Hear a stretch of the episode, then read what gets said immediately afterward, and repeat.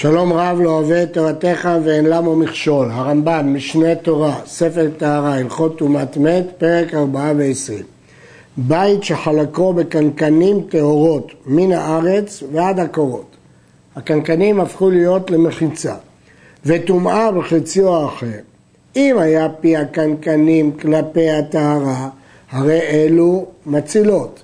מדוע? כי הטומאה לא יכולה לחדור מגב הקנקנים, כי כלי חרס לא מקבל טומאה מגבו, ואז הוא נהיה טהור, וכלי טהור חוצץ. ואם היו כלפי הטומאה, אינן מצילות, כי הטומאה נכנסת באווירם, כיוון שהטומאה נכנסת באווירם, אז הכלי נהיה טמא, כיוון שהוא נהיה טמא, הוא נהיה חוצץ. ולכן הכלי חרס מצילים עם דפנות האוהלים. טחן בתית בין מבפנים בין מבחוץ, רואים. אם יכול הטיט לעמוד בפני עצמו, הוא מציל, כי הוא חילק את האוהל לשניים. ואם לאו, אינו מציל, כי הוא לא יכול לעמוד, והרי הכל אוהל אחד. בית שחלקו בנסרים או ביריעות, הפעם זה לא בקנקני חרס, אלא בנסרים או ביריעות. אם חלקו מן הצדדים, כלומר מלמעלה ועד למטה, הפך אותו לשני בתים, או מכלפי הקורות, דהיינו הפך את הגובה לשניים, קורות זה הגג, והייתה אטומה בבית, כלים שבין המחיצה ובין הכותל או שבין המחיצה ובין הקורות טהורים. מדוע? כיוון שזה שני אוהלים, ולמרות שהעיריות מקבלות טומאה, הן חוצצות, כי אם הן נטויות כנטיית אוהלים, אז זה ממש אוהל. חילק את האוהל לשני אוהלים, ולכן הוא חוצץ. הייתה הטומאה בין המחיצה לכותל או בין מחיצה לקורות, כלים שבבית טמאים, שאין המחיצה מונעת הטומאה שלא תצא ותטמא, כמו שביארנו באוהל שבתוך הבית. צריך להדגיש שכמובן מדובר פה שהמחיצה לא עוברת ממש על פני כל הבית, אלא על פני מקצתו, ולכן זה לא כמו שני חדרים סמוכים או בית ועלייה על גביו, אלא זה אה, שני אוהלים, אוהל בתוך אוהל, שאז הוא אמנם חוצץ, אבל הוא לא מונע מלהוציא את הטומאה. יש קושי בפירוש זה, כפי פשט הרמב"ם, משמע שהנסרים חולקים את כל הבית. ולכן יש פירוש אחר של בעל הסדרי טהרות, שהמחיצה היא מחיצה עראי, ולכן זה כאוהל בתוך אוהל. היו הכלים בתוך עובי המחיצה עצמה, בין שהייתה טומאה לפנים מן המחיצה, או שהייתה בתוך הבית, אם היה מכל מקלים טפח על טפח, טמאים, ואם לאו, טהורים. וכבר ביארנו כיצד דין הבית עם חלקו מכלפי ארצו. לגבי חלקו כלפי ארצו, אמרנו שארצו של בית זה כמו עד התהום כמוהו. אלא אם כן יש שם טפח על טפח. אבל לגבי טומאה שנמצאת בתוך המחיצה, או כלים שנמצאים בתוך עובי המחיצה, והטומאה לפנים או בתוך הבית. הרמב"ם אומר שאם יש מקום הכלים טפח על טפח הם טמאים. שואל הרעב"ד להפך, אם מקום הכלים טפח על טפח, יש כאן אוהל נפרד והם טהורים. ואם אין טפח על טפח, הרי שראויים להיות טמאים. הכסף משנה, מס... אז באמת יש שהופכים את הגרסה ברמב"ם, כאן ברוך השולחן, אבל לא מצינו את זה באף נוסחה. והכסף משנה מסביר שכשאין במקום הכלים טפח על טפח הם בטלים לכותל.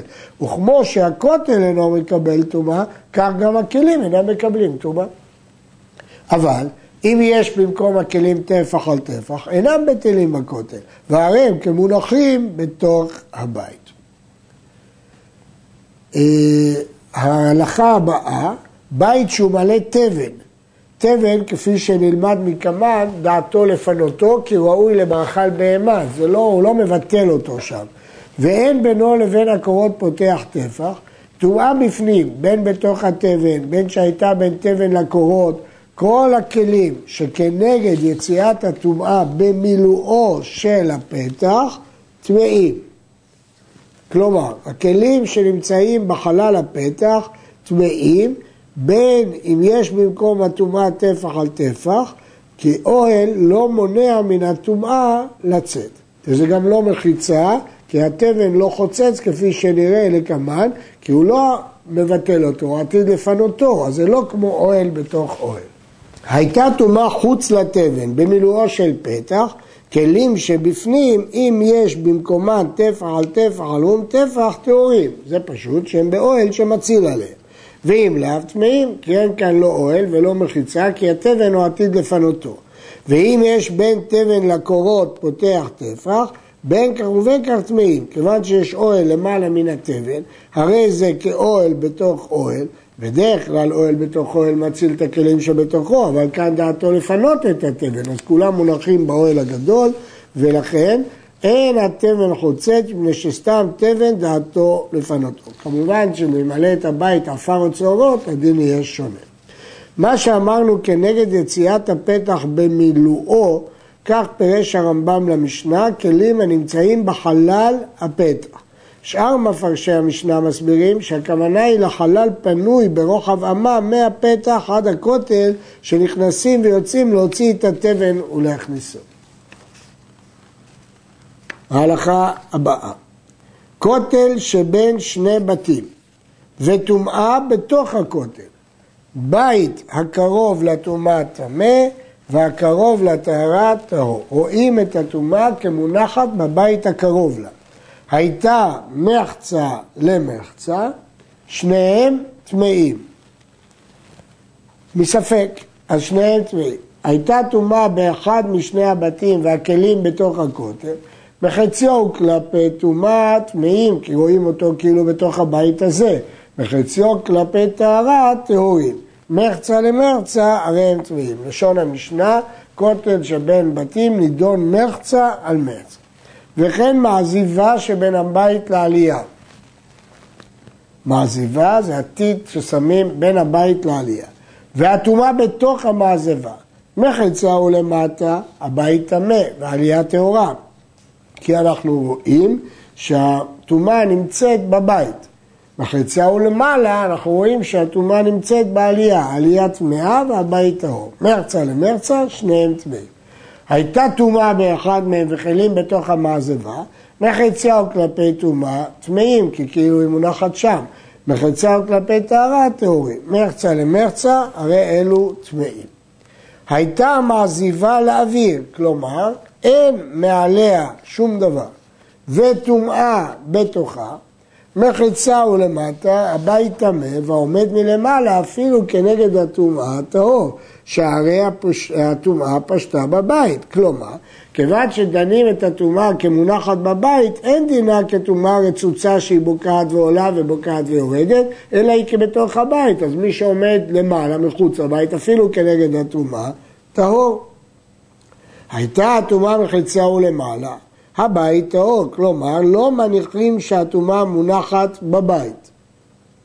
וכלים הבית טהור והעומד למעלה כנגד הטומאה טמא, כיוון שאם הטומאה היא לא בתוך הבית, רואים אותה כאילו בוקעת ועולה, ולכן מי שעומד למעלה כנגד הטומאה טמא. מחצה למחצה, הבית טמא, והעומד מלמעלה כנגד הטומאה טמא. שהרי אי אפשר לצמצם. אז או שיש להניח שהיא בתוך הבית, או שיש להניח שהיא מחוץ לבית. בכל אופן ראינו פה שכאשר טומאה נמצאת בתוך המעזיבה ורואים אותה מחציה ולמטה כאילו בתוך הבית, היא לא נקראת טומאה רצוצה, למרות שהיא בתוך המעזיבה. וכן כותל המשמש את הבית ידון מחצה למחצה. כיצד? כותל שהוא לאוויר, וגג הבית סמוך לכותל ואינו מורכב על הכותל. כלומר, הגג לא נשען על הכותל. וטומאה רצוצה בתוך הכותל, הייתה מחוציו ולפנים הבית טמא, והעומד ממעלן על ראש הכותל טהור, כי עומד על גג הבית.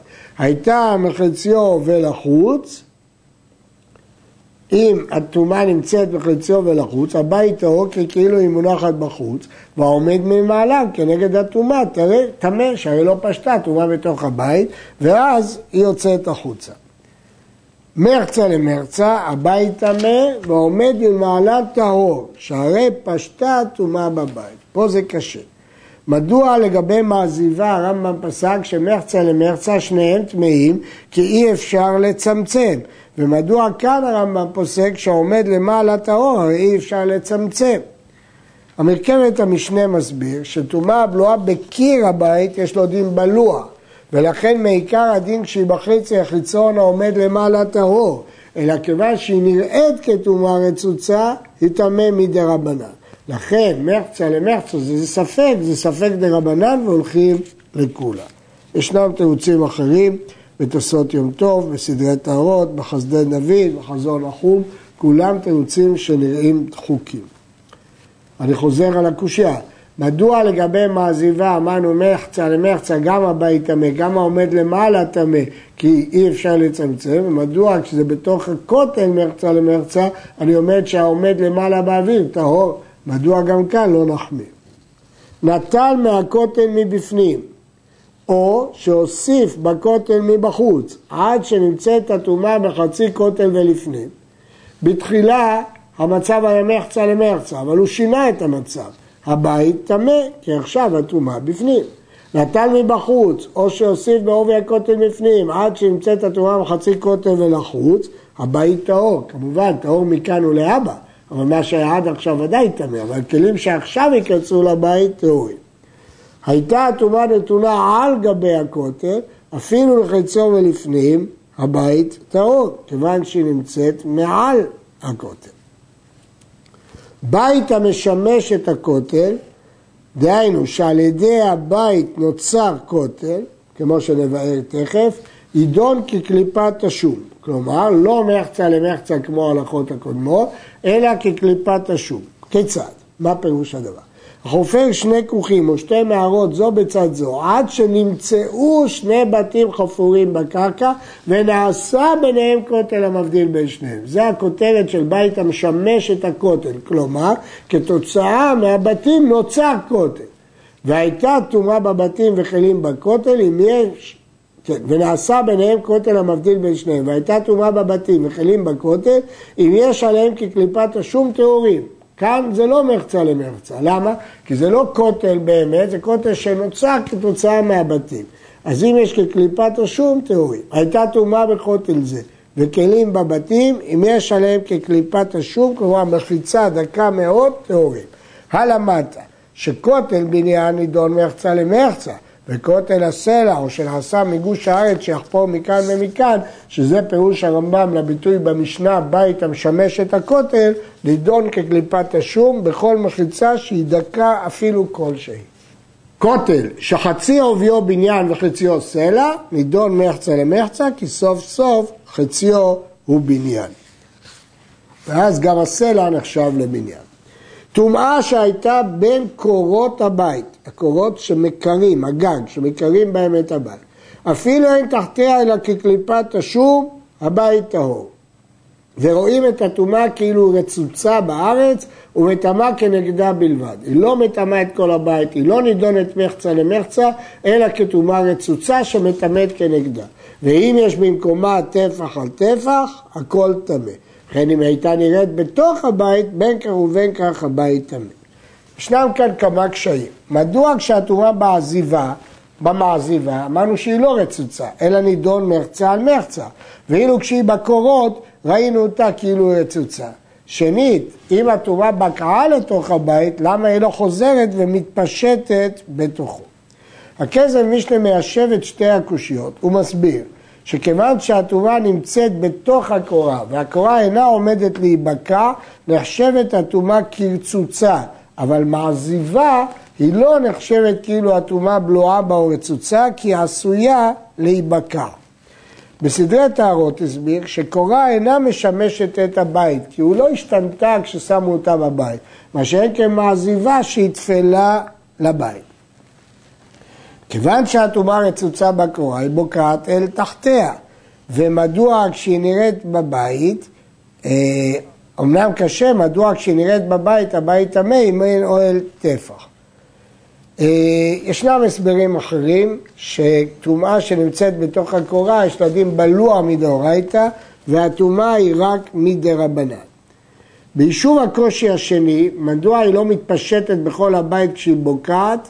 אומרים אחרונים ששיטת הרמב"ם שבאמת טומאה רצוצה לא מתפשטת בתוך אוהד שאליו היא בוקעת, רק בקרקע הבית. זה דין מיוחד כשהיא רצוצה בקרקע הבית ועולה לתוך האוהל שהיא מתפשטת. זה חידוש מעניין וחשוב. אם הייתה נראית בתוך הבית, ברור שהבית טמא, כי מקומה פתוח לחלל הבית, ולכן אה, זה פשוט. אם יש במקומה טפח על טפח טמא, מדוע? צריך לומר שזה מדין קבר סתום שמטמא את כל סביביו.